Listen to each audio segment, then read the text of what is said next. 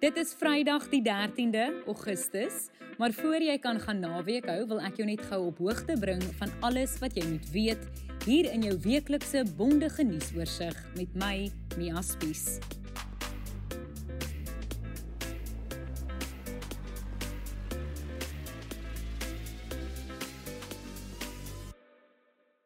In netedop was president Cyril Ramaphosa hierdie week die laaste getuie om voor die staatskapingskommissie te getuig. Nuwe ministers is ingehuldig na die kabinetskommeling. Oud-president Jacob Zuma se korrupsiesaak is uitgestel. Ook die geskorste sekretaris-generaal van die ANC, Ysmagashule se korrupsieverhoor. Die ramptoestand is tot 15 September verleng. 'n Verslag oor aardverhitting sê dit is kode rooi vir die mensdom en Suid-Afrika skitter in groen en goud. Net voor ons begin, as jy elke Vrydag hierdie podcast in jou WhatsApp inbox wil kry, druk net op die skakel in die plasing hierbo. Laat ons wegval met hoofnuus hierdie week en dit is dat president Cyril Ramaphosa getuig het voor die Zondo-kommissie van ondersoek na staatskaping oor gebeurtenisse rakende staatskaping, korrupsie en bedrog. Die eerste dag van Ramaphosa se getuienis het grootliks gefokus op sy tyd as adjunkpresident van die land. Ramaphosa het verduidelik waarom hy aangebly het as adjunkpresident in die Zuma jare. First option for me chairperson available that was available to me was to resign from the executive. While I would have earned quite a lot of praise from many quarters, this action of resignation would have significantly impaired my ability to contribute to bring about what I would call an end to state capture. Ramaphosa het erken dat daar reeds in 2011 rooi vlae was oor korrupsie, veral wat die Gupta familie betref, maar dat diegene betrokke beskerming geniet het. Ramaphosa het donderdag in sy hoedanigheid as president van die land moeilike vrae beantwoord. Some of the signposts were there. Uh and as I said, yeah, there was the the, the lapse I, I called it, but there was also uh the lack of alertness um were we complicit? The answer is no. Uh, could we be said to have been um, negligent? Um, uh, it, it, could well be that, but complicit we were not.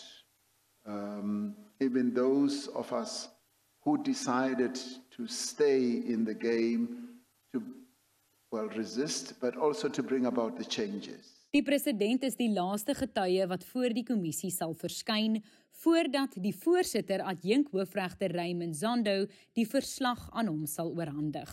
Bykans 3 jaar en 'n miljard rand later. Mr President and uh, in due course uh, you will get the report and uh, from my side I can't wait for the day when I hand over the report and uh, know that uh, I'm done. Dan is die nuwe ministers wat verlede week deur president Cyril Ramaphosa aangekondig is in die Unie gebou in Pretoria ingehuldig. I have decided to appoint the following persons as ministers for the portfolios indicated in the signed President's Act. Mr. Enoch Godongwana Minister of Finance, Mr. Mondli Gungubele, Minister in the Presidency, Dr. Joe Pasha, Minister of Health. Die gewese spreker van die nasionale vergadering, Tandi Modise, is as die nuwe minister van verdediging en militêre veterane ingehuldig. Sy het Nosiviwe Mapisa Nkakula vervang. Ms. Modise, Good afternoon, Judge. Former Speaker. uh, I understand that you will be taking the oath and not affirmation. Yes, Is that correct? Do you consider the oath binding on your conscience? Die ANC caucus het haar voorganger Mapisa Nkakula as spreker benoem. Die nasionale vergadering gaan moontlik volgende week stem vir die nuwe spreker. Die departement van korrektiewe dienste het 'n week gelede in 'n verklaring bekend gemaak dat oud-president Jacob Zuma na 'n roetine-ondersoek in die hospitaal opgeneem is vir mediese waarneming. Hy dien tans 15 maande tronkstraf in die Escort gevangenis uit vir minagting van die hof. Zuma was veronderstel om Dinsdag in die Hooggeregshof in Pietermaritzburg te verskyn vir die korrupsiesaak teen hom en die Franse wapenmaatskappy Thales. Regter Piet Koen het die saak uitgestel tot 9 en 10 September. I'm hoping um with reference to a sort of a civil law analogy that uh, once the report from from uh, the military health service is available and the states the NPA's expert has looked at it and maybe prepared his own report or her own report that there might be areas that they agree on and that there might be limited areas on which they disagree. Yes. But I'm not going to anticipate that now. I think it'll be, we, we simply don't know. Yes. So um, let's wait for the reports and then uh, uh, adopt a prudent attitude to it as and when it arises. Dan het die geskorste sekretaris-generaal van die ANC, Ysma Gashule, saam met 15 aangeklaagdes hierdie week in die Vrystaatse Hooggeregshof in Bloemfontein in die korrupsiesaak teen hulle verskyn. Die saak hou verband met die asbes audit skandaal van 225 miljoen rand. Ook die saak is uitgestel tot 19 Oktober. Magashule hou nog steeds vol dat hy niks verkeerd gedoen het nie en dat daar 'n agenda teen hom is. They are even trying to get Tolota through FBI. And they had several meetings with FBI. And you must tell me that there is no political agenda. Nou na COVID-19 nuus, die minister van Samewerkende Regering en Tradisionele Sake in Kossazana, Dlamini Zuma, het die ramptoestand met nog 'n maand verleng tot 15 September. In die jongste oorsigperiode is die meeste nuwe COVID-19 infeksies weer in die Wes-Kaap aangemeld, gevolg deur KwaZulu-Natal en dan Gauteng.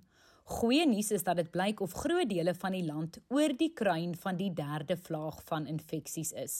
Die pulmonoloog Dr Dante Plekker verduidelik. As mens kyk na die daaglikse statistieke oor die laaste week, wil dit tog lyk asof daar oor die laaste paar dae 'n afname in die geval in die aantal nuwe gevalle was van omtrent 12 tot 13000 gevalle per dag verlede week na huidigelik omtrent tussen 6 en 7000 gevalle per dag. So op grond daarvan wil dit tog lyk asof ons oor die piek van die derde golf is.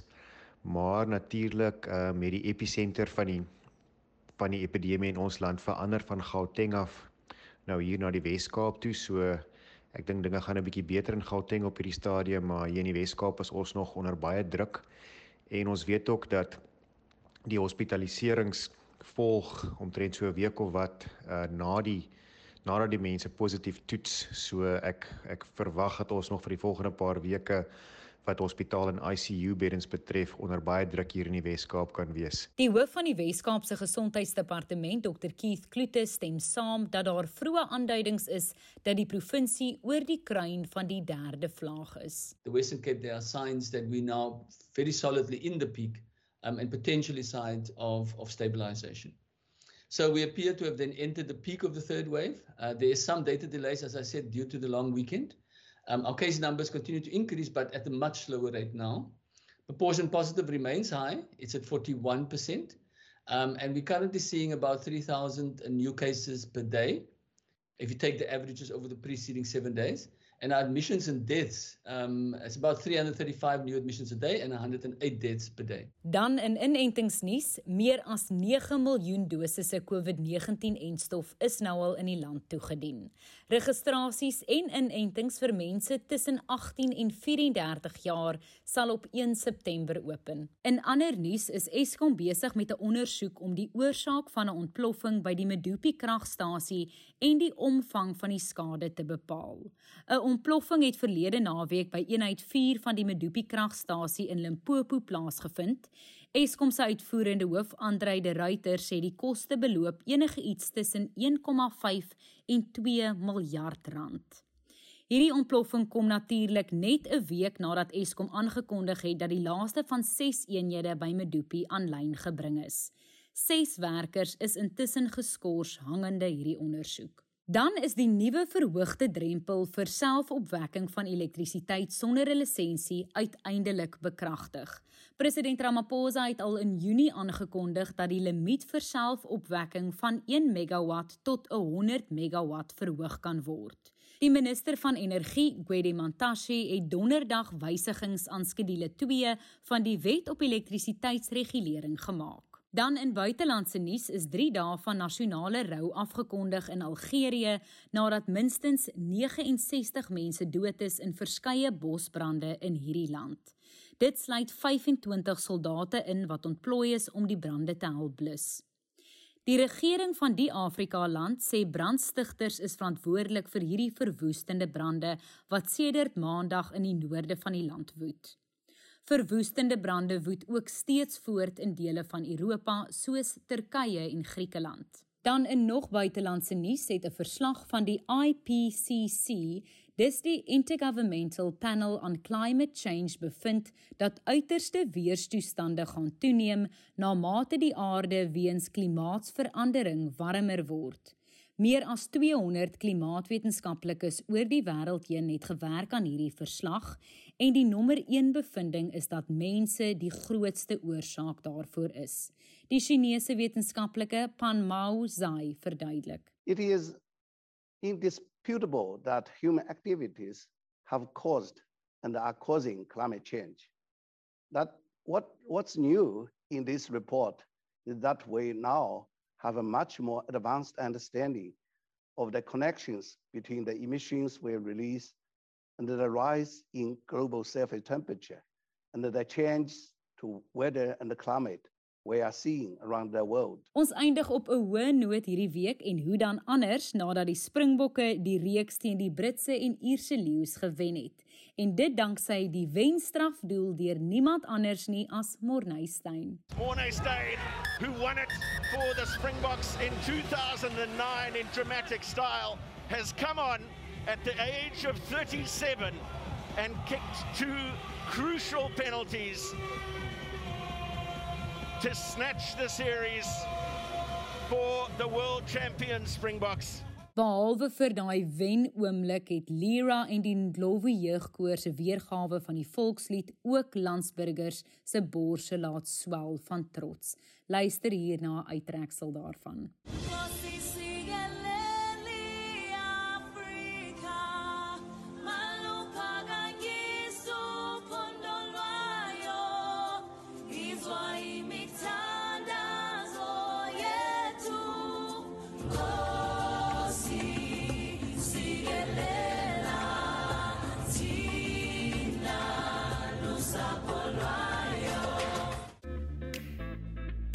Daar sê jy's nou op hoogte van sake en reg om naweek te gaan hou. Dit gaan 'n koue een wees waarskynlik die Suid-Afrikaanse weerdiens met twee winterweerstelsels wat gelyktydig oor die land beweeg. En koue weer, reën en vratsvloede gaan meebring. So bly warm en bly veilig. Nuus met Spiese se produksie in samewerking met die Potgooi Produksiehuis Volume. Ons vervaardigers is Roland Perolt en Andy Siwe May en ons kenwysie is deur Curtis Kol gekomponeer. Tot volgende Vrydag.